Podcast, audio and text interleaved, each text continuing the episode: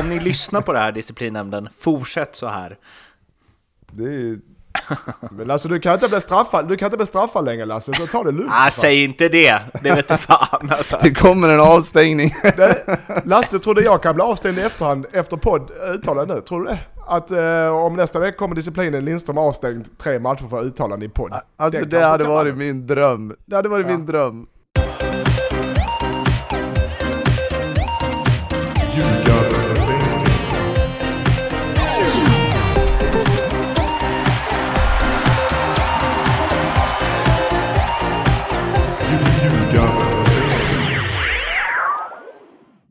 Ljugarbänken, NordicBets podcast om den svenska fotbollen är tillbaka och med den äran. Jag och Lasse Nilsson eh, slog knut på oss själva och löste det senast då eh, Mattias Lindström var helt eh, ospelbar på grund av lite ont i halsen. Jag var, Välkommen tillbaka! jag var däck, tack, jag var superdäckad av en halsfluss. Och Mårten, och, eh, jag har 40,5 graders feber i nästan tre dagar. Den är inte att leka med alltså. Så att jag eh, gjorde mitt bästa för att inte svika ljugarbänken men eh, jag, jag, hade inte, jag hade varit sämre än vanligt så kan jag säga.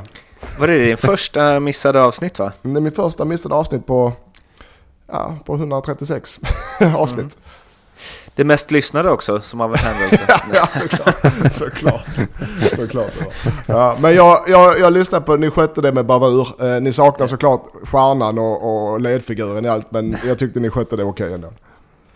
Tack, tack. Vi är glada att du är pigg och fräsch igen. Tack. Du är någonstans i Europa?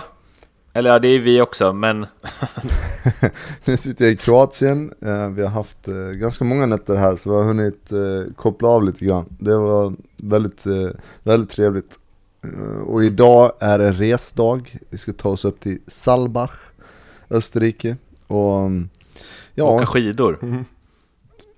promenera i bergen och åka linbana. Jag vet inte, vad gör man där liksom? Fan vad trött. Du, hör du borta? Lasse han vill bara hem till Borås, regniga Borås. Han vill bara sitta där på det här knallelandet och kolla på eh, gokartan. Vad fasen man gör där. Hör, du- hör du vilket jobbigt liv Ja, Lindström? ja, vi ska åka till... Det är Kroatien Ja. och så ska vi upp och vandra i bergen. Och... Ja, Kanske Lima, jag vet liksom inte vad fan man gör va.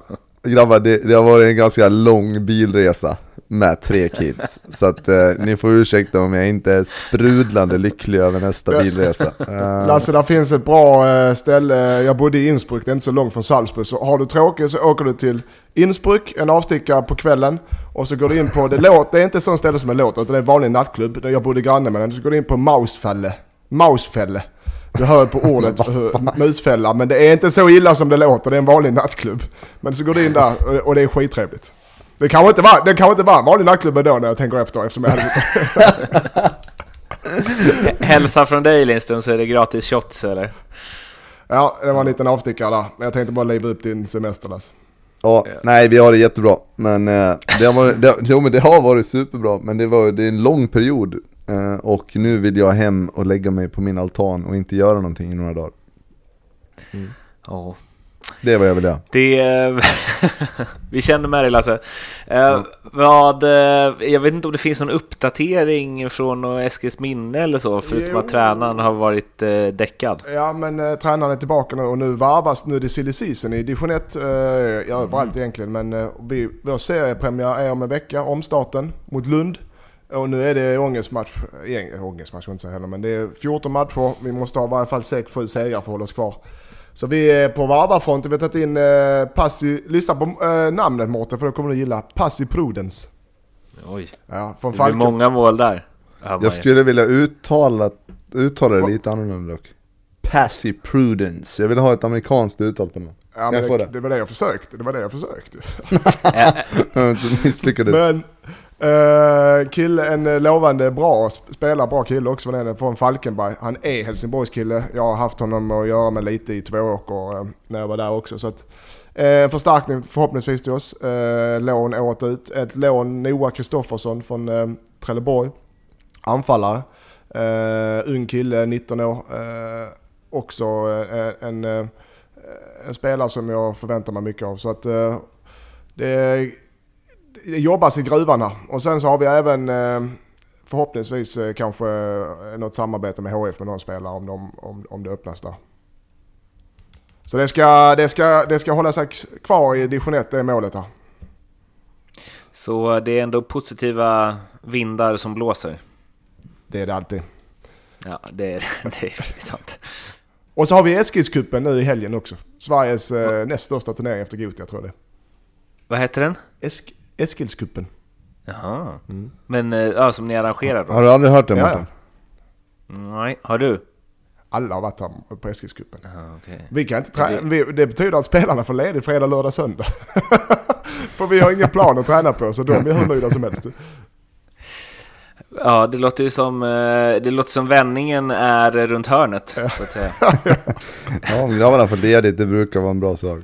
Men de ska ju jobba under, de ska jobba under Eskilscupen så, så ledigt har de inte. Nej. Eh, men eh, det låter ju... Ja, vi ser fram emot att det vänder som sagt. Ja, jag också. Mm. jag förstår det. Det är i september det vänder. Ja, eh, Norrby update, ska vi ta någon sån eller vad, vad känner du? Semesterfiraren? Ja men tillbaka på vinnarspåret i alla fall. Uh, slog ju ett, ett Öster som, uh, som mer och mer ser ut att spela division 1 2020. Uh, men en bra match. Och, uh, Succétränaren Christian Järdler har verkligen fått sig en törn. Han har ju fått gå. Mm. Mm. Uh, men det är, ja, det är väl resultaten styr mycket. Däremot börjar Varberg eh, choka nu eller klarar de av att hålla sig, hålla kvar sig? Då har du Mjällby och Brage och Örgryte som börjar jaga. Klarar de att hålla sig kvar i Superettan? Var... Nej men nu klarar de att hålla sig på toppen då för fan vad jobbiga ni är. Jag skojar, lugna ner dig nu. Uh, ja det tror jag, eller ja det gör de. Ja vi får se. Raset kommer. Ja, eh, vi ska snacka allsvenskan. Elfsborg-Kalmar var ju en ångestmatch med stort Å och länge även eh, uppfyllde de förväntningarna, eller vad man ska kalla det. Kalmar, ledning 1-0, Tillin med en fot mot sin rumpa men på bara några minuter i slutet så vände Elfsborg och vann med 2-1. Vad händer? Nej men till att börja med så tyckte jag väl att om man ska summera matchen lite grann så var det väl eh, ett Elfsborg som kom ut och tog, tog tag i matchen eh, första ja, kvarten i alla fall. Skapa inga superheta, ja Gojani har en, en hyfsad chans men eh, Eh, sen från ingenstans, när man inte får eh, ja, någon utdelning så, så tar Kalmar över. Och ett Kalmar då som är rejält decimerat. De har, ja, vad var det, nio spelare borta, fem ur startelvan. Så att det var ju, det var inget starkt Kalmar som kom. Frågan är om, det, om man har sett ett sånt svagt Kalmar på pappret på 14 år. Eh, men, men de tog i alla fall över och till slut får de en straff som kanske är lite tveksam. Eh, dåligt, dåligt och mittback och målvakt som, eller målvakten gjorde väl inget fel men mitt... Det, det är horribelt, alltså det är horribelt försvarsspel. Och det, även om man inte drar honom mycket så räcker den, just att det är så ja. tydligt, så räcker det för en domare för att blåsa straff. Han behöver inte dra ja. honom hårt, det räcker att den är där och touchar. Ja, det är så jävla dåligt försvarsspel så man blir eh, skitsamma. Ja. Um, och det blir straff i alla fall, de gör mål och sen direkt efter den här straffsituationen så kör eh, Simon Strand någon sorts Eh, Eh, han är en sån linebacker i amerikansk fotboll och bara kastar sig in och kör en sån brösttackling med armar och axel typ. Eh, men den, den vågade ju då inte, jag tror det var Bojan, eh, blåsa för eftersom han har precis blåst en straff två minuter tidigare. Så att där hade ju matchen redan kunnat vara över om man ska vara ärlig. Men sen, ja, det är ju ingen bra fotbollsmatch. Det är två två eh, dåliga lag som, som kämpar och sliter liksom. Och sen eh, från ja, en blixt från klar himmel eh, så, så lyckas man göra två mål i slutet. Och det blir ju för sig lite bättre för Elfsborg när, eh, när Lundevall och Ishizaki kommer in. Det blir lite eh, lite mer konkret i vad, man, vad som ska hända offensivt. Och, och sen eh, är det en fantastisk passning och en fantastisk prestation av Dione som eh, eh, Marocki tar med sig med klacken och, och placerar in den i, i 94 eller vad det kan ha varit.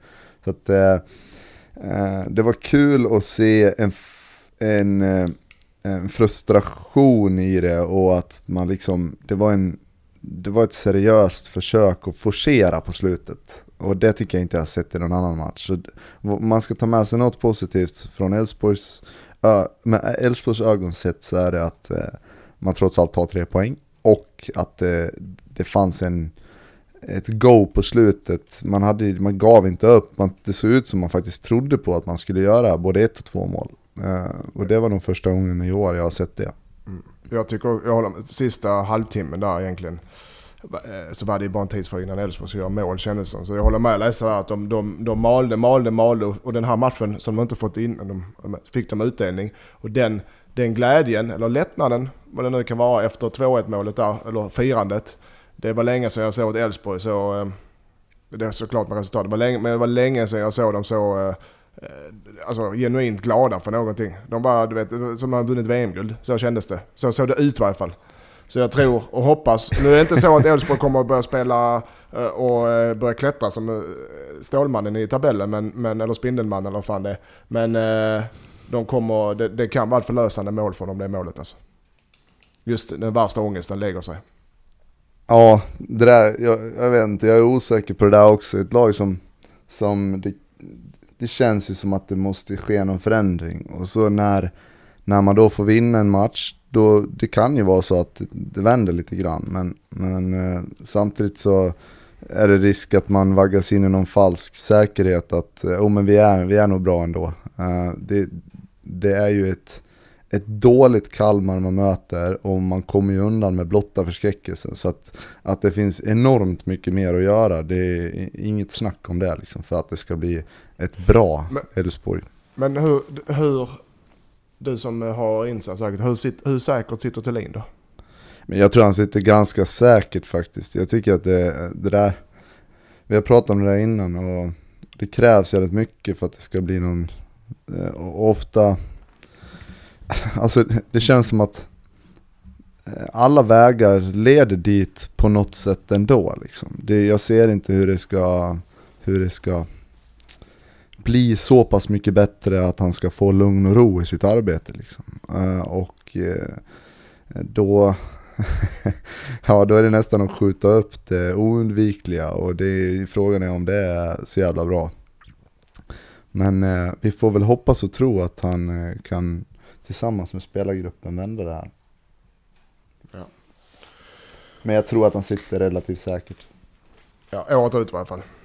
Det, det tror jag. Elfsborgs, det blir, de ligger i mitten och de kommer hamna i mitten. De är ju, alltså det är, vad har de, eh, har ju åtta poäng ner till kvalplats. Så det, det, där sitter de ju säkert. Och de har för långt upp. Nej men så länge de håller sig på sjunde, åttonde, nionde plats så, så är det ju egentligen ingen katastrof. Utan det är väl ungefär det man kan förvänta sig. Kalmar då, Mårten? Ja, alltså men det är ju det nu känns det så att han, han sitter säkert, men fan vad det är små marginaler alltså. ja, det, det, är det. Du ser kamerabilderna på eh, när man ser tränarna. och zoomar man in tränarna, vet du, Tolin och, och man, det är två pressade tränare och så ser man ena minuten när det står ett lika eller 1-0 till och med till Kalmar och, och, och du ser Thelin och sen så vänder det 1-1 och sen 2-1. Det är ju som två helt olika människor. Eh, de är pressade och Magnus Persson framförallt med de skadorna och det sättet han jobbar som är väldigt metodiskt och väldigt noggrant. Eh, ingenting lämnat till slumpen. Så att just, just i Kalmars fall så vet jag inte om det är rätt att byta tränare i det här fallet. För jag, jag tror inte det blir bättre. Med de skadorna och den, den uddlösheten de har framåt så eh, att byta tränare där tror jag seriöst, det, det kommer inte bli någon, inte ens en snabb effekt kommer det bli. För det är inte där problemet ligger för Kalmar. Tycker jag. Nej, men var ligger problemet då? De, de, Kalmar har en bra defensiv men de har för det första mycket skador som vi säger. För det andra så har de ingen, de har inga spelare framåt som, Som, de, om de har en bra defensiv, de hamnar oftast lågt i matcherna. De behö, då blir det lätt att bli omställningsspel. Då får man ha spelare som klarar av det och hantera det. Det tycker inte Kalmar har riktigt. Uh, och då blir det lätt att du vinner bollen, du får upp den i plan men du tappar den lika snabbt och så blir du låga igen och så får man försvara, försvara, försvara, försvara. Och när du väl håller bollen som de gör stundtals och har fina passningsmönster så har de ingen, de har inga, de har ingen killer i boxen som man behöver så som de spelar. Så att jag tycker... Uh, de har ju förtvivlat, de har förtvivlat svårt att göra mål också. Ja. Man ser... Uh, de skapar inte sådär jättemycket heta chanser. Fröling skapar något på egen hand eh, som blir halvfarligt. Han har ett skott utifrån som, som lika gärna kan gå in kanske. Så de har lite sådana här halvchanser som visst det kan bli mål ja, men det är inte, de har 100%. De, de, de kommer fram till för lite chanser. När de väl har chanserna så har de ingen målskytt som klarar av att hantera det. Ja, för att sen när chanserna väl dyker upp som den gör precis innan eh, 1-1 eh, målet. Eh, det är ett friläge från ja, en, det är ett solklart friläge i alla fall. Som han inte ens lyckas komma till avslut. Nu kan jag inte minnas vem av dem de det var. Men, men det blir liksom, det ser, inte, det ser inte ut som de tror på att det ska bli mål. Liksom. Oj, nu är jag fri. Oh, hur ska det här gå? Och sen blir det ett motlägg i stort sett. Det, det, det var nog nästan straff det också om jag ska vara ärlig. Men, men den kommer han aldrig få. Eh, det var bara dåligt. Eh, ta in bollen i banan, avsluta, få iväg ett vettigt, eh, vettigt avslut. Men inte ens det blev det av det. Och där återigen, där hade han kunnat vunnit matchen mot Kalmar. Nu blir det inte så och istället så får man med sig noll poäng från Rosa Arena. Så målskyttet är ju en, en, en superviktig del i det. Men vad jag menar är nu, ska du gå in när det är 13 omgångar kvar och byta tränare, vi säger i Kalmar eller i Sundsvall eller de här lagen som, okej, okay, det är tufft. Då, då, alltså, du får kanske snabb effekt i kortvarig med två, tre matcher, men sen du, du, du raserar allting som de byggt upp under hela året som, som kan börja fungera. Det är en chans, det är en ytterst, jag tror inte det är många lag, Öster gjorde det nu, men det är nog, jag tror inget lag i Allsvenskan kommer byta tränare nu innan säsongen är slut. Inget, det tror jag inte. Det har jag väldigt svårt att se, för då är det, ja, för det, det är, bara, det är en superchansning. Om, om du ska byta tränare, om någonting händer såklart, om, om det är en missköts på något sätt, men om du har en, en plan och du, du håller dig till den och, då, och det inte fungerar, det är en sak. Men byta tränare när 13 matcher kvar, det är väldigt, väldigt ovanligt alltså, i Sverige. Var, var. Ja. ja, nej men alltså det, det man kan säga om de där tränarbytena generellt under säsongen, det, det, det kan ju få en en snabb effekt och så vidare. Men, men ska man göra en sån grej så är det ju för att spelartrupperna tappar förtroende och de inte... Ja, och spelarna kommer med det. Ja, precis. Uh, annars tycker jag att det känns liksom ja, hugget som stucket liksom. Okej okay, om du ligger dyngsist och känner ja ja men vi, vi chansar, vi tar in någon ny, se om det blir någon, någon reaktion på det. Men men när man fortfarande huserar någonstans i, i mitten till exempel, då får det ju vara någonting som är på, ja antingen då att klubben är missnöjd med hur, hur man arbetar eller att, att spelartruppen är så pass missnöjd att det inte fungerar. Liksom. Men om spelartruppen är missnöjda med hur det inte fungerar så är det oftast, då är det oftast att du har det behöver inte bara vara resultat. Då har du oftast att tränaren är ohållbar på något sätt. Alltså med, med socialt eller med, med gruppen. Eller ja, ledarstilen är ohållbar. För att om Kalmar nu går och gnäller på att ah, för fan, det här går inte. Vi, eh, MP är för dåliga. Ja men ni kanske ska kolla själv i spegeln först innan ni... Nu, ni, ni förstår vad jag menar. Så det måste vara trovärdigt för en spelargrupp också när man kommer. Det är inte bara för att man förlorar matcher utan det måste vara trovärdigt på andra sätt. Tycker jag när du kommer. Nu kanske jag har tränarglasögon på mig. Så. Jo men jag håller, jag håller med dig. Uh, det måste vara en situation där man, alltså om, om det inte under, visst det kan gå emot resultatmässigt, det kan vara taktiska grejer och så vidare, vissa spelar, vissa spelar inte. Sånt finns ju alltid i fotboll, men om det under veckorna inte är, är liksom överens med hur man ska jobba, om man inte klarar av att, att synka en, en tränare och en, en med, med hans tränarstil med, med spelargruppen. Det är då det blir ett större problem. Liksom. Ja. Mm. Ja. ja. Men inte, det, här, det här är lite som att lyssna på en podd. en normal podd. ja, exakt. Vi hoppar vidare till eh, AFC Hammarby. Och innan vi pratar om någonting annat så är ju Pablo Pinones Arte och Janemian klara för IK Frej. Det finns luckor på tränarbänken i Hammarby och det är ju inte utan att man undrar om Jesper Jansson har ringt dig, Mattias. Nej, det har han inte. Jeppe Jansson har inte ringt mig. Eh, inte om det i alla fall. Att, har du ringt honom? Jag har ringt Tjena Jeppe, du, jag läste en grej här. För jag har ju min brorsa uppe i Stockholm. Det hade varit... Eh, jag har inget... Nej, jag har inte ringt Jeppe i den frågan. Jag tror att Hammarby har fullständig koll på, på, eh, på vem de ska ha in. Redan innan de eh, lät eh, Pablo ta över Frej. Mm. Uh, är det någon av er som vet hur det där fungerar? Det är ju samarbetsklubb, men uh, sitter de kvar liksom på ett avtal med Hammarby Både ja, Pablo och Janne eller uh, skriver man ett nytt avtal med, med Frej som... Förstår ni vad jag menar? Man kan, uh, man, nu vet inte jag i det här fallet hur tajt uh, samarbetsklubbarna är men man kan ju oftast dela på Hammarby tar halva lönen och Frej tar halva lönen. Eller tar Hammarby hela lönen. Jag tror Frej, Frej tar definitivt inte hela lönen, det har jag svårt att tänka mig. Med Janne är det väl exakt likadant för han var väl anställd, han var fystränare i Hammarby va? Mm. Eller? Mm. Ja, ja i någon sorts individuell eh, tränare. Ja. Hade du honom i Elfsborg förresten alltså? Ja, jag har haft honom i olika vändor. Haft honom i Brage också när jag var ung. Ja. Han och Sergej Prigoda som Uff, tragiskt Sergej. dog här för några år sedan. Var det var han som man tror han är? Eh, Sergej var ju fantastisk. Men han var ju stenhård och sen var han ju lite, under den perioden så krökade han ju lite väl mycket så att det kunde ju spela in på hur, vad det var för typ av träning om man säger så. ja, bara, idag kör vi bara kvadde, bara kvadde idag, okej. Okay.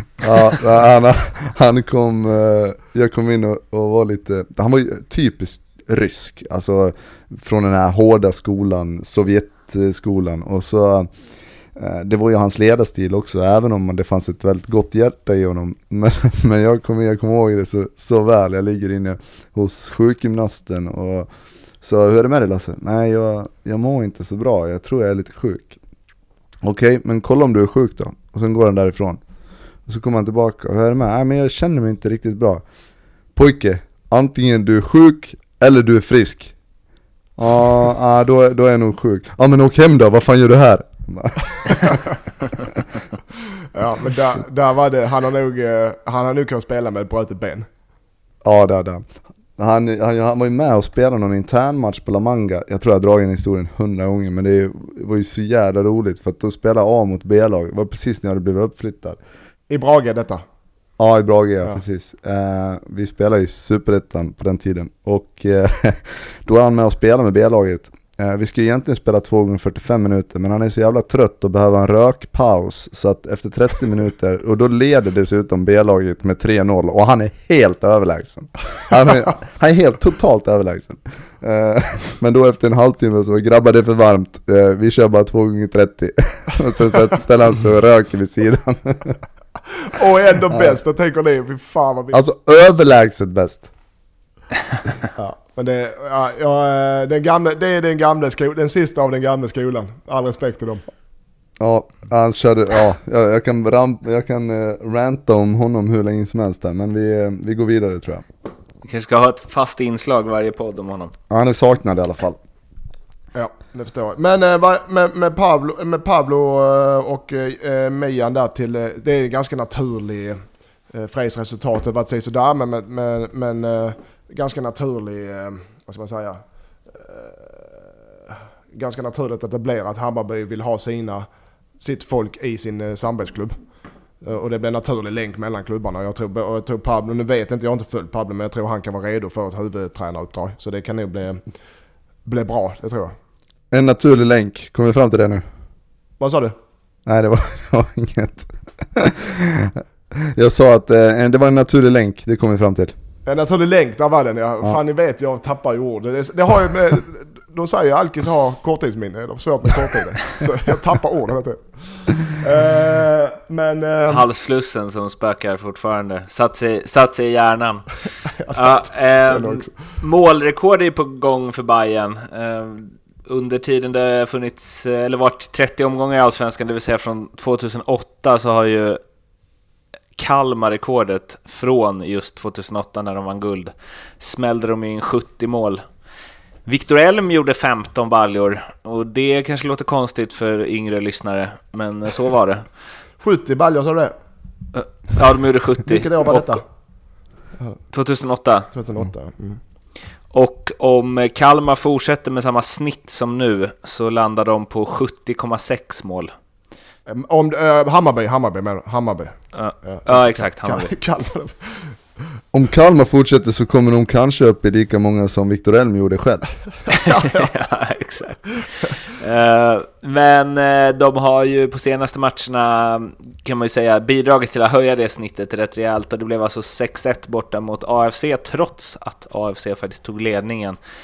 Och ehm, ja, vi pratade lite om det igår i Fotboll Stockholms podcast och Oskar Månsson sa att han vet inte att periodvis, om han någonsin sett ett så överlägset allsvenskt lag. Som i matchen mot AFC. Hammarby. Nej men, som, nej men som Hammarby är när de trycker eh, plattan i mattan. Ja, nej, då är de ju... Det är så man vill egentligen se ett topplag eh, spela. Alltså vara topplag för att du är överlägsen i motståndare. Oftast fungerar det inte så i Allsvenskan just nu för du har eh, ett stabilt försvarsspel som oftast bygger grunden till att du är topplag. Och då, du knopp, som AIK, du knoppar in ett mål och sen så stänger du matchen. Eller som Malmö, du kryssar borta och vinner hemma.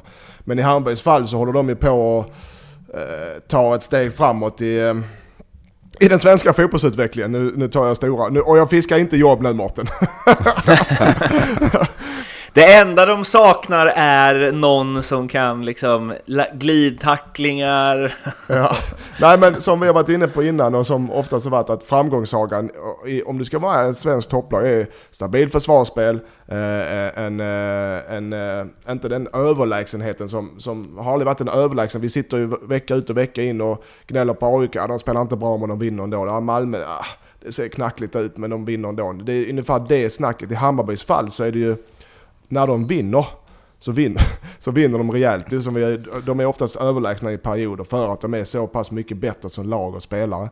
Det de måste göra, behöver göra, är att hitta jämnheten på ett helt annat sätt. Men jag tror att den fotbollen de står för, att det är full fart och det är mål i, åt alla, alla håll och kanter. Den fotbollen ser jag som mer underhållande.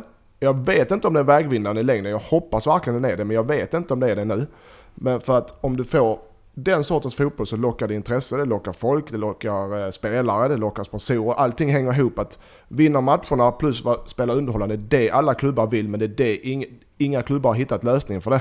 HIF har försökt.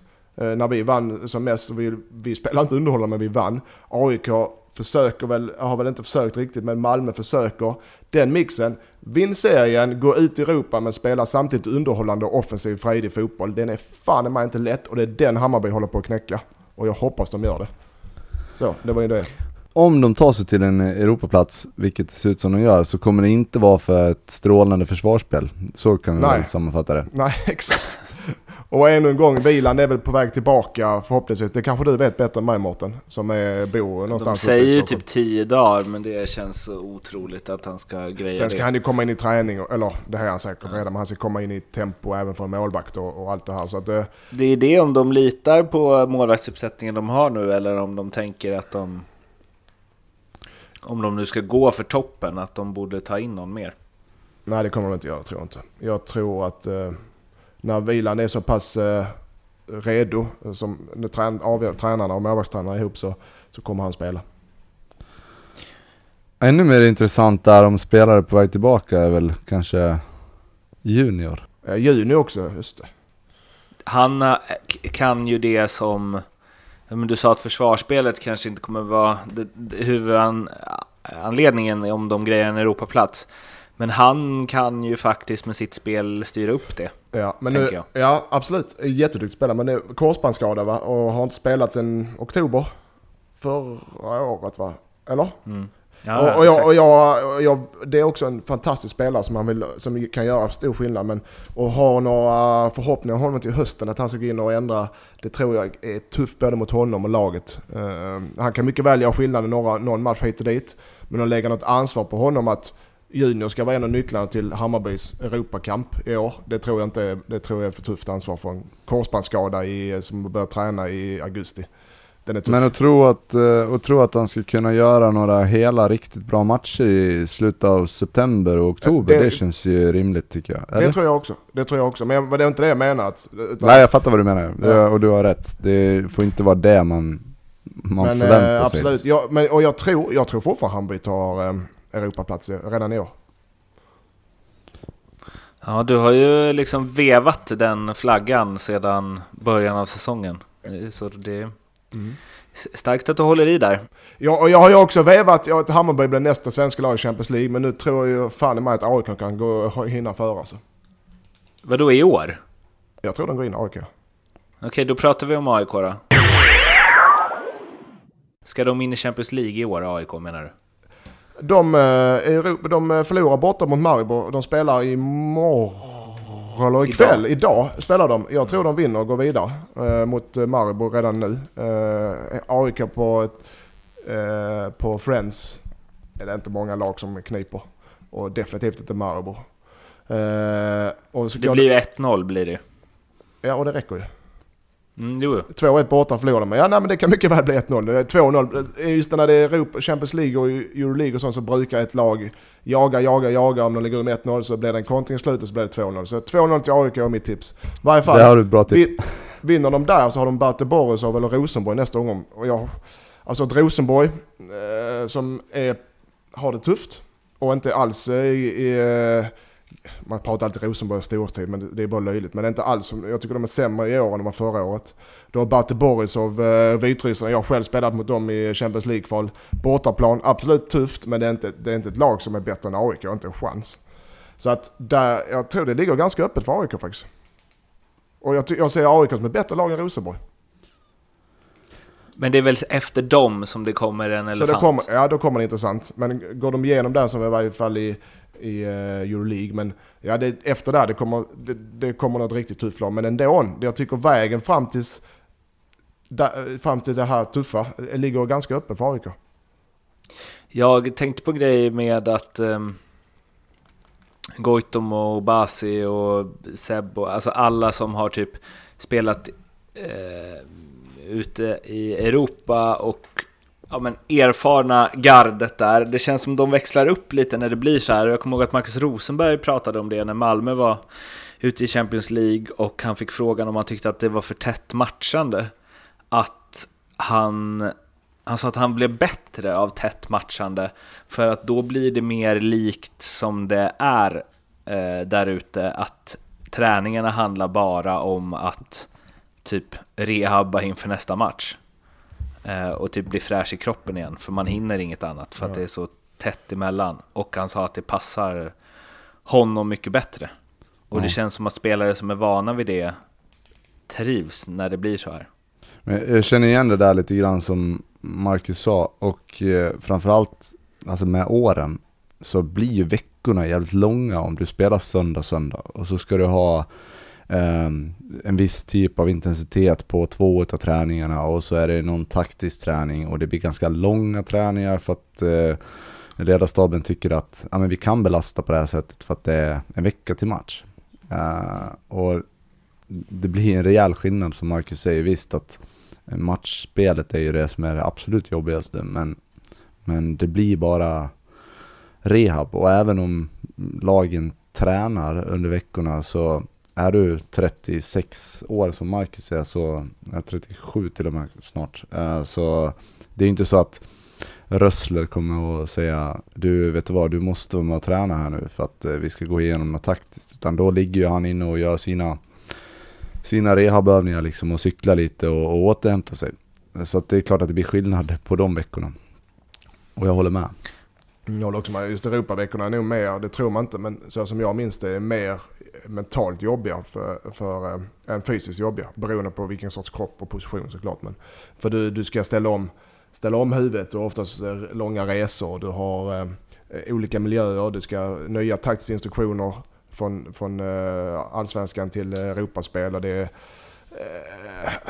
det blir eh, mentalt är det tufft alltså för att kunna ladda om så snabbt till matcherna. Det är det jag tycker att det var tuffast med Europaspel, inte det fysiska. För den klarar man, man äter, sover och tränar eh, bra så klarar man den. Utan problem.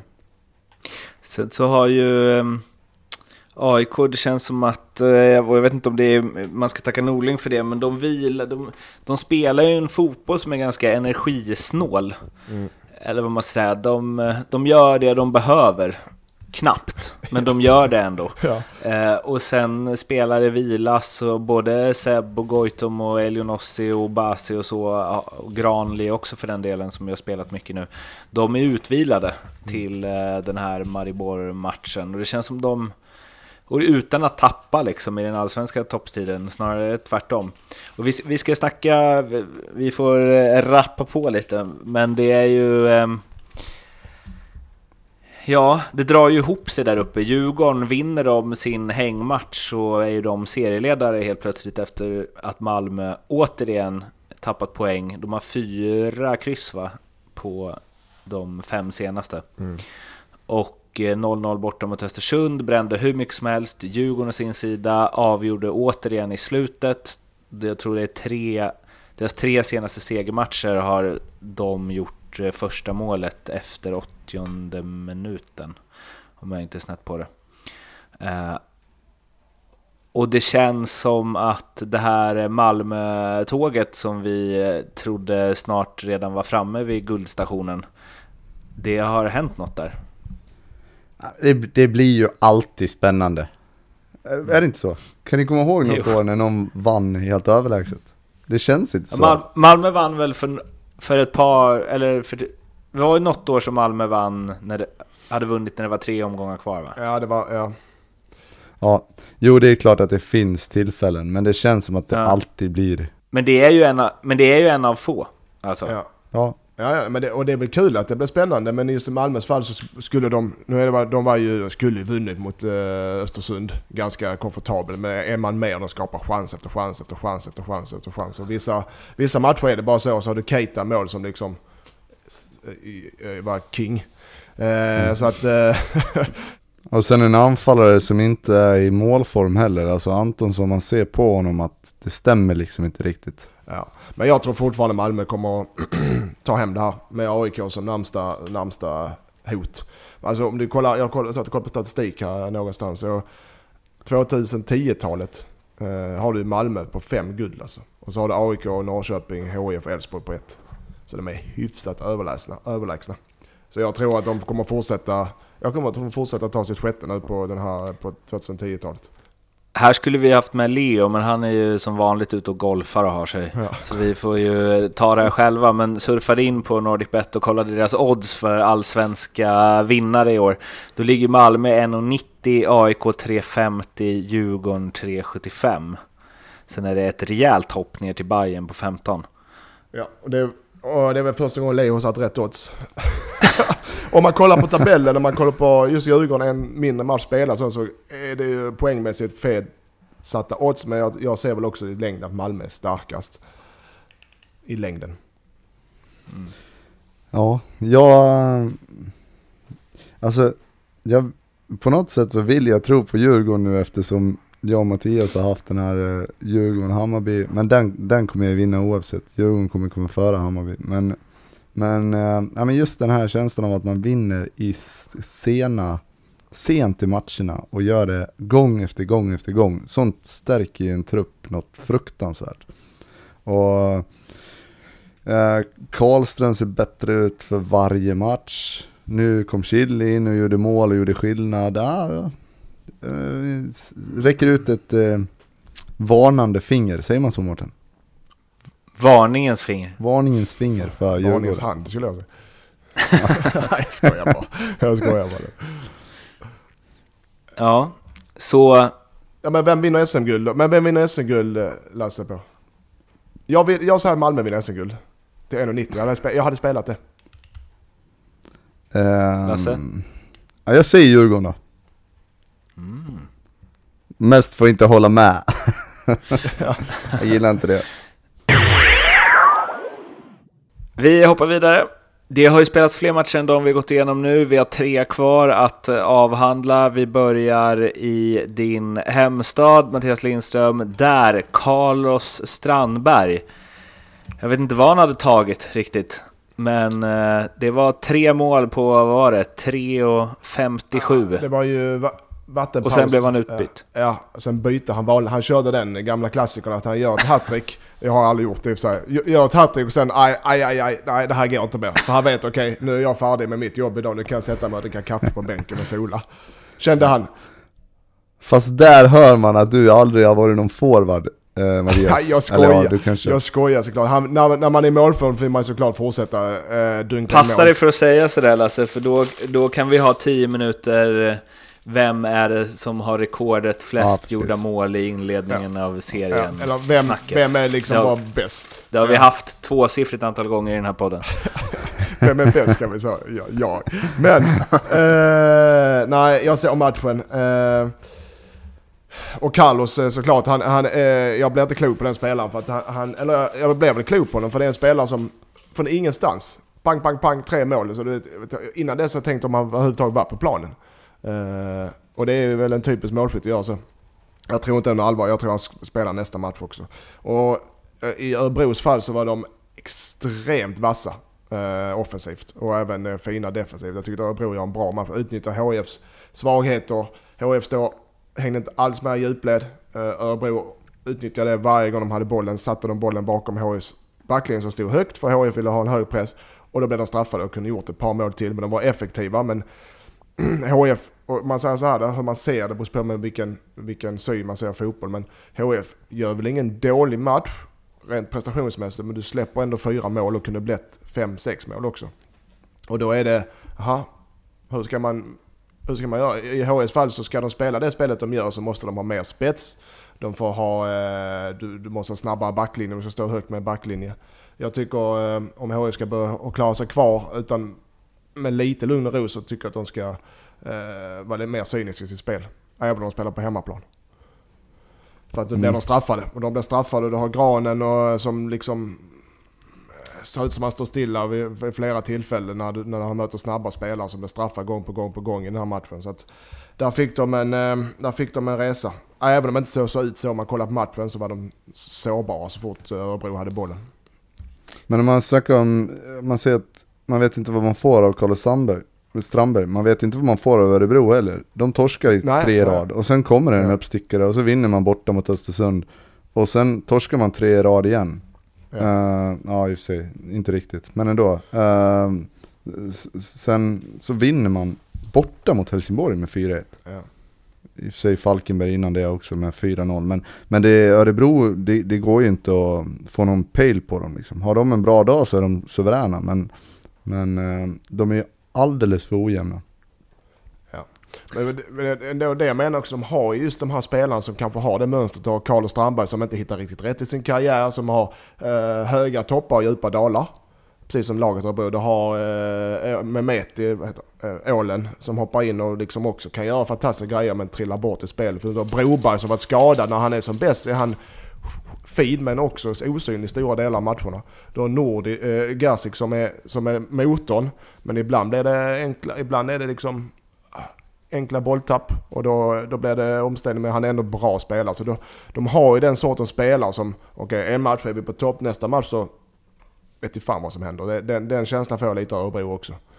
Som det håller också hållas. Alltså. Men mot HIF nu så var det inget, även om HIF hade Eh, en del fina, fint spel och så, så var det inget snack om saken. Örebro skapade och var kliniska i sina avslut.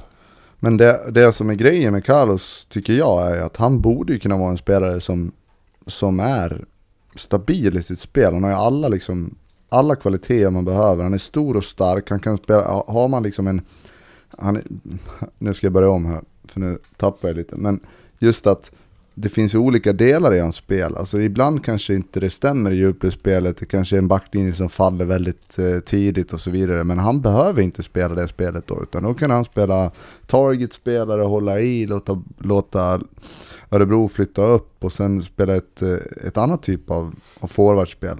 Uh, han har egentligen allting. Han har även styrkan och, och, och spänst och han borde kunna vara bra på skallen också. Så att han borde kunna vara en bra straffområdesspelare dessutom och det tycker jag inte riktigt att han har det har han inte kommit fram till än utan det är ju först och främst de här djupledshoten, det är där han är som bäst. Eh, men han borde kunna vara bättre på mer saker för han har de kvaliteterna. Du lyssnade på avsnittet förra veckan eller Lindström? Mm. Var ärlig nu. För jag kommer kolla det. Mm. Nej. Nej, jag har inte lyssnat på hela. jag börjar lyssna. Ja. Vi var inne på Filip Rogic. Att ja, ja. eh, hans kontrakt går ut och att han borde vara liksom Också bra. Han var perfekt- också bra. Vad sa du? Ja, en bra spelare. Mm. Han var ju inblandad i mycket igen. Ja, det är en fin spelare det.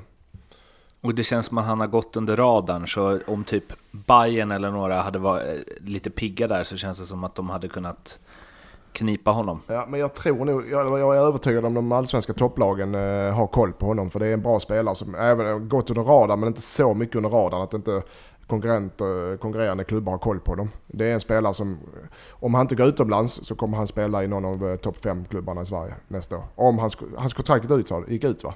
Eh, det går ut efter säsongen Eh, ja. det går Ja. ut ja. Då tror jag han spelar i topp 5 lag nästa år. Om han stannar i Sverige. Ja, jag tycker det är en bra spelare. Jag tycker det är en bra Han spelare. har ju ett itch-namn också så att eh, det kan ju passa Ja. bra i Hammarby det. Jag såg någon, det var lite roligt, det var någon som la ut på Twitter att det var tio spelare som slutade på itch i eh, AFC Hammarby-matchen. Det Ja. var något sorts rekord tyckte de. Men, eh, nog om det. Nog om det. Nog om det. ja, eh, vi hoppar vidare till eh, AFC Fal eller Falkenberg Sundsvall som ju... Ja, om nu eh, Kalmar, eh, eh, Elfsborg-Kalmar var en eh, ångestmatch så... Ja, Sundsvall alltså. Vad fan har hänt med liksom Norrlands Barcelona? Lasse, du får ta den.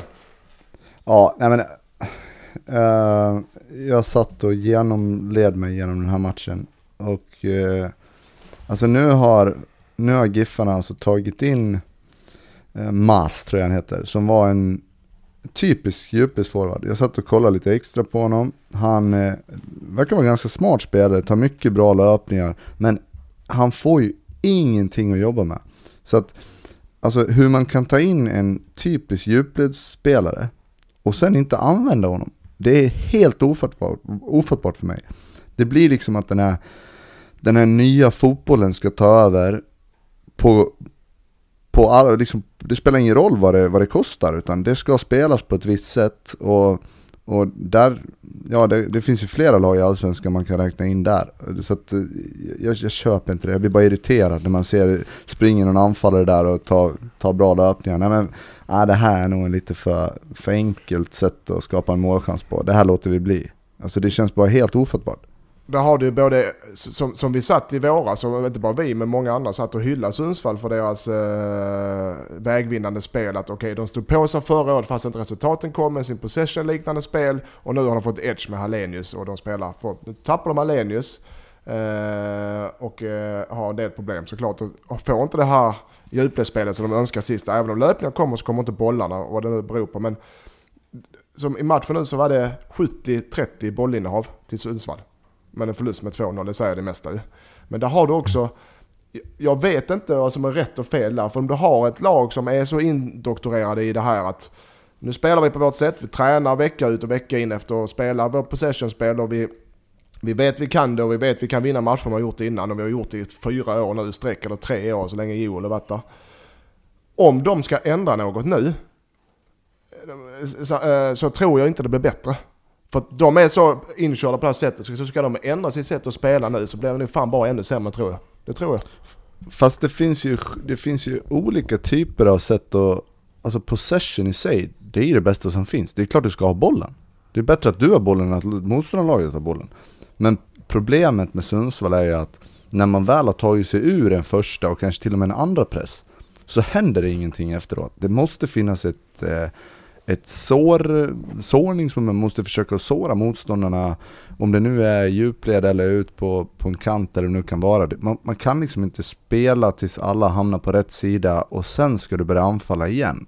Alltså tanken med possession och tanken med, alltså överhuvudtaget med fotboll, det är ju att du ska ta bollen framåt i planen och sen ska du försöka göra mål. Uh, och, och det känns som att bollen går fram, man har 13-14 passningar, jätteduktiga och uppbyggnadsspelet och sen går den tillbaka. Eh, och och det, det är det jag inte köper, framförallt när det finns alternativ framåt. Eh, innan kanske det inte har gjort det riktigt efter att man tappade Alenius, men i den här matchen fanns det definitivt det. Som man väljer att inte använda. Och kom inte att säga att en sån som Batanero inte är tillräckligt smart för att, ja men vänta nu, nu har jag väntat upp här, där kommer en löpning, då sätter jag ju den där. Så det, det är ju något, det är något som inte, som inte stämmer. Nu vill jag liksom hastigt och lustigt bara rätt in på IFK Norrköping, eh, eller IFK Göteborg, IFK Norrköping och tänker att Lasse i On Fire här bara ska få ta sig an disciplinnämnden ytterligare Ja en men gång. först måste jag bara Ja. säga det om, om eh, Falkenberg också. Kristoffer Karlsson spelade på centralt mittfält och var outstanding. Eh, så um, jag ville bara skicka ut en hyllning där också. Kanske den snällaste spelaren eh, någonsin i svensk Så elitfotboll. säger de alla spelar Mårten. Ja det gör det faktiskt. Men han är, han är inte... Vi har liksom aldrig haft något bra snack, men han är, han är bara snäll. Ja, okej. Ja. Men eh, Lasse, nu inga slut på komplimangerna. Ta dig an disciplinnämnden. Ja men alltså behöver jag ens det? Det är ju ett debacle av eh, astronomiska mått. Vad är det som, vad, vad fan håller de på med? Vad, kan inte någon svara? Kan inte, kan inte någon av er svara på vad det är som händer? För att jag fattar ingenting nu. ingen som vet. De vet ju inte själva, de gjorde ju en pudel där ju med, med Seb, men alltså fy fan. Ja, ja, fel blir det i alla fall. Ja, men eh, för er som inte vet så var Seb efter matchen så började han skrika i omklädningsrummet eller utanför att de, eh, hur dåliga hans lagkamrater var ungefär eller hur dåliga de själva var för de inte kunde stänga matchen. Och det, det renderar i en avstängning för disciplinnämnden, eller hur? Hur många matcher blev det från början? Två? En tror jag bara, En. jag Eh, och det är, just det beslutet, att de tar det beslutet är fan i mig helt otroligt. Och när de väl känner att okej, det här var nog inte så jävla smart av oss. Så ändrar de sig ganska snabbt och drar tillbaka det, eller hur? Det är så? Ja. Men att de överhuvudtaget tänker på att bestraffa en sån grej, det tycker jag är under all kritik. Du bestraffar grejer på planen, du bestraffar även grejer utanför planen såklart. Men när du har en spelare som skriker på sina lagkamrater att han tycker det är, för han är sur för att de förlorar matchen. Det ska de inte blanda sig, disciplinen blanda sig i överhuvudtaget. Någon Domarna gång. påstår ju att han har skrikit åt dem att de dödar matchen. Vilket, va, varför skulle man inte få säga det? Det, det var väl Ja. inget, det var ju bara kritik. Ja, du dödar matchen. Du, Ja, om man, ska, om man inte uttrycker sig på annat sätt så eh, man måste kunna, eh, måste kunna, men domarna får, de får också, de är vana för kritik och det, jag, det, är inte rätt att gnälla på domaren men vissa grejer får de helt enkelt, eh, när det är så mycket känt, får de svälja utanför plan. Det, det, det får de helt enkelt svälja.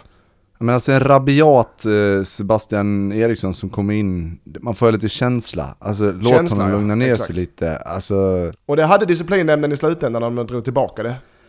jo, det kanske de hade då. Och det får man väl ändå någonstans, så här. hade de gått ut och sagt att eh, det, här blev ett, det här blev felaktigt, vi hade inte alla, all information och vi kommer dra tillbaka den här avstängningen. Då hade jag tyckt att, ja men fan bra, då känns det som att någon faktiskt på riktigt går igenom vad som har hänt och de chansar inte bara.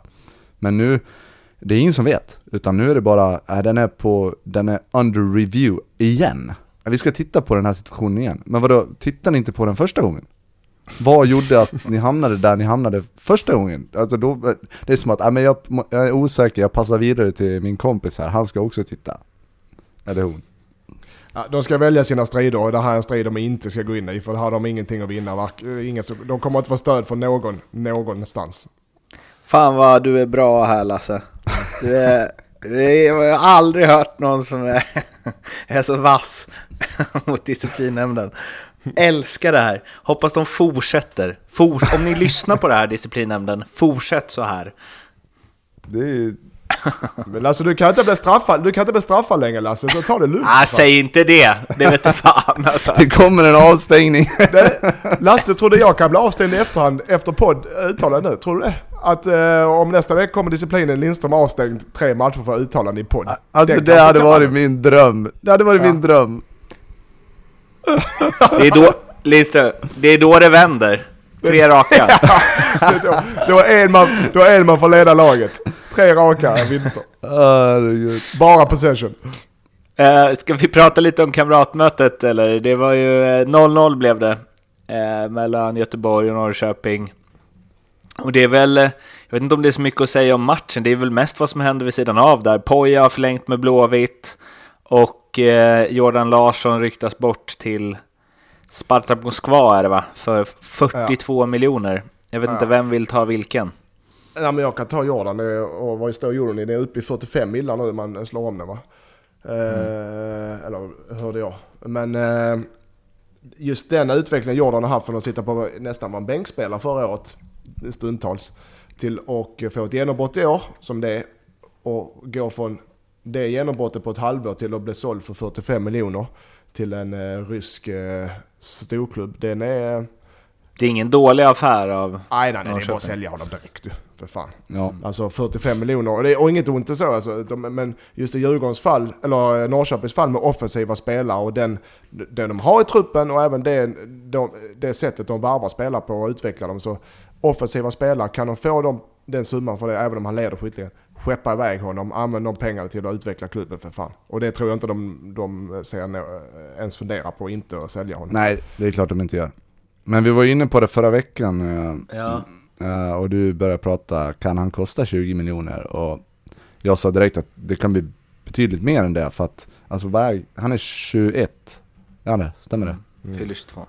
Fyller 22 och leder en allsvensk skytteliga och det är ingenting som inte tyder på att han skulle vinna den. Så att, eh, eh att okej okay, 45 miljoner det är mycket men att det skulle bli en bra bit över 20 det kändes ganska, ganska rimligt. Men, men 45 är ju eh, riktigt, riktigt bra. Ja, det, ja, det får man säga. Riktigt ja. bra betalt. För alltså någonstans, fan jag kanske är ute och seglar här nu och hans karriär fram tills nu kanske har spelat in för mycket i de här tankarna och han är väldigt ung och absolut, det kan hända grejer. Men jag tänker också lite som Norrköping spelar, så den som spelar där han har spelat nu gör ofta mycket mål. Alltså Kalle ah. Holmberg vann skytteligan. Så där går det, ja. Det är klart att spelar du topplag... Men det måste vara bra spelare också Mårten. Ja, du, kan jo, jo. Sätta, du kan inte sätta Lasse Nilsson där och tro han ska vinna skytteligan. Nej. Men jag menar liksom Sebastian Andersson öste in mål, Kalle Holmberg öste in mål den säsongen som han fick spela där hela tiden. Alltså... Mm. Och det är ju ett fingertoppskänsla från klubbens uh, ja, Jens i det fallet och uh, Hunter. Och, jag menar, ha hittat rätt spelare och sätta dem där och utveckla dem. Det är det absolut, men jag menar bara att man, de kan ta in en annan allsvensk forward ja. som skulle kunna göra 18 mål i Norrköping, eller 15 eller 17. Ja, absolut. Det, är det, ah. jag menar med att sälj honom och, och hitta en nästan fullvärdig ersättare. Du håller inte med alltså? Uh, jag tror att uh, du får jävligt mycket för ska vi säga 10 miljoner och så lägger du 35 på någonting annat. Du kommer få en riktigt bra anfallare ja. för, för 10 miljoner. Men det är inte bara så att du kan plocka vem som helst och tro att han ska göra 18 baljor. Liksom. Så, det, så funkar det inte. Emir Kujovic är ju ledig och nobbades av Djurgården på, på grund av att han ville ha för hög eh, sign-on. Ja, dålig koll på Kujovic faktiskt. Har du koll på honom? Nej, jag har dålig koll på Kujovic, ja, känner jag. Men, eh, och i det, ja... I Kujovic fall så... Eh, han gjorde ju sina 21 baljor där i Norrköping eh, och var ju fantastisk. Men och året innan och året efter, sen är, det, sen är det så många andra spelare som kommer ut eh, noll, alltså noll speltid och noll mål och noll på flera år. Så han är säkert ett bra namn för många allsvenska klubbar men jag tror nog inte han ska försöka pusha det för mycket för att eh, så eftertraktad är han inte i, min, i mina ögon. Mm. Det är en bra spelare men det är inte, det är inte som en klubb kommer att lägga 10 miljoner på honom, det tror jag inte. Nej just eftersom vi har så pass dålig koll på honom också. Det betyder ju att du inte har gjort någon uh, riktig dundersuccé. Han har inte spelat någonting nästan. Så att uh, det är klart att Klart att det är en bra spelare men, men uh, sen vet man ju inte heller vad det var för sign-on. Det kanske var Nej. en snusdosa och en Cola Zero liksom. Ja, men absolut att Norrköping har säkert en dialog. Om de säljer Jordan så är det klart att Kujovic eller bör vara på deras radar. Om han tackar nej, eller Djurgården tackar nej till honom. Helt säkert. Han, eh, så Mike Sema ska vara klar också. Mm, jag såg också. Ja, också en spännande spelare. Men det är, ingen naturlig ersättare på det sättet tycker jag. Nej, det är väl, han är väl mer en allround-spelare. Ja. Men att de tar in honom och Kristoffer Telo, det känns som... Fan, de är- värvar smart alltså. Mm. Jag har gjort det i lång tid nu. Uh, Poja då, förlängt i Blåvitt. Det såg man inte direkt komma för eh, ett halvår sedan. Nej. Nej men nu är det ju helt befogat. Det de har gjort i år är ju, är ju det var ju ingen, det, det kan inte vara någon som trodde på att det, man kan knappt ha trott på det där själva alltså, på något vis. Den starten de fick och, och även de resultaten de har radat upp så, så är det väl ingen konstig, det är inget, inget märkligt beslut att förlänga med Poja. Nej. Och, och undervägs har de ändå tagit fram unga spelare och gett chansen som har lyckats och även sålt spelare. Så att, och resultaten ändå fortsatt. Så att det, Göteborg är årets uh, utropstecken utan tvekan. Men jag har hört också, eller hört, eller det hört och hört, det är väl ganska uh, ut, ute i etern och det jag tror på, jag har sagt det själv att Ferran som från Sundsvall som är med, han, han jobbar, han och Poja jobbar väldigt, väldigt tätt ihop och han har mycket att säga till dem och hjälper. Och jag tror att där också känner Poja att där växer han som, för är ung och han kom direkt till Göteborg. Allting gick rent åt helvete på alla sätt och vis. Och han fick ett enormt tryck på sig. Få in en ledare som är väldigt trygg i, sin, i, sitt, takt, i sitt taktiskt kunnande och verkar vara och, och, eh, fantastisk fotbollstränare för han. Eh, men kanske gillar att stå lite i bakgrunden. De, de två tillsammans tror jag kan vara, tro, eh, eller jag vet det är en bra mix. Och då har du naturligt att förlänga med Pojan och jag tror nog Föran och Pojan kommer gå hand i hand ett bra tag. Känns det som. Finns det en, en länk där också med Giffarnas kräftgång? Ja, antagligen finns det väl att han lämnar, precis att Joel tappar sin, sin högra hand där som betyder så mycket. Så att jag hör bara gott om Ferran. Och att han är, styr och ställer ganska mycket på Göteborgs träningar och matcher. Påminner lite om, utan att känna Ferran, men det man hör påminner lite grann om Peter Wettergren som också har flygit under alla radars genom åren och varit väldigt framgångsrik med mm. många olika tränare. Men, mm. det, det, är ju ofta så att visst, det är en huvudtränare eller manager som står i, står i fokus. Men det finns ju alltid människor bakom som, som ska dela med sig av sin kompetens och, mm. och göra det de är bra på. Och har man bra människor runt omkring sig så är det större chans att du lyckas. Ja. Jag tror det är en bra mix, för du har Poja som är mer skicklig med media, kanske är skickligare socialt med spelarna. För han, han, han, han pratar deras språk också för den delen. Eh, så att, eh, och så har du Ferran som är otroligt duktig taktiskt och, och sammansätta eh, med motståndare, hur man ska bemöta dem och allt vad det är. Så att jag, tror det, jag tror det är ett jävligt, en jävligt bra mix alltså. Mm. Det man kunde se lite grann i matchen, jag fick en sån här lite oroskänsla. IFK Göteborg spelade ju ganska bra. Alltså de, det var en ganska bra fotbollsmatch även om den blev 0-0. Och båda lagen ville spela fotboll. Men det kändes som att man gick ifrån det där lite grann och ligga på kontring och, och verkligen göra allt för att ta poängen. Och så blev det 0-0 också. Så det är inte alltid att det utvecklande passningsspelet är, är the way to go. Nej. Nej, The way to go nu är väl uh, köra bil för dig uh, Lasse? Yes. Till Mausfäll. Exakt.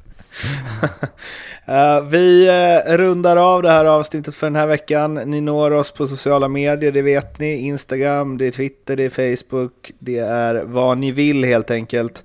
Vi blir mega glada om ni prenumererar och följer oss, Acast, iTunes och så vidare. Och ja, är det någon ni inte tror lyssnar på ljugarbänken som borde göra det, berätta det för den personen. Så kanske den hittar sin plats i vår tillvaro. Fint Mårten! Kör försiktigt Lasse! så, så hörs vi igen nästa vecka. Hej då! Hej då, ha det bra! Hej då!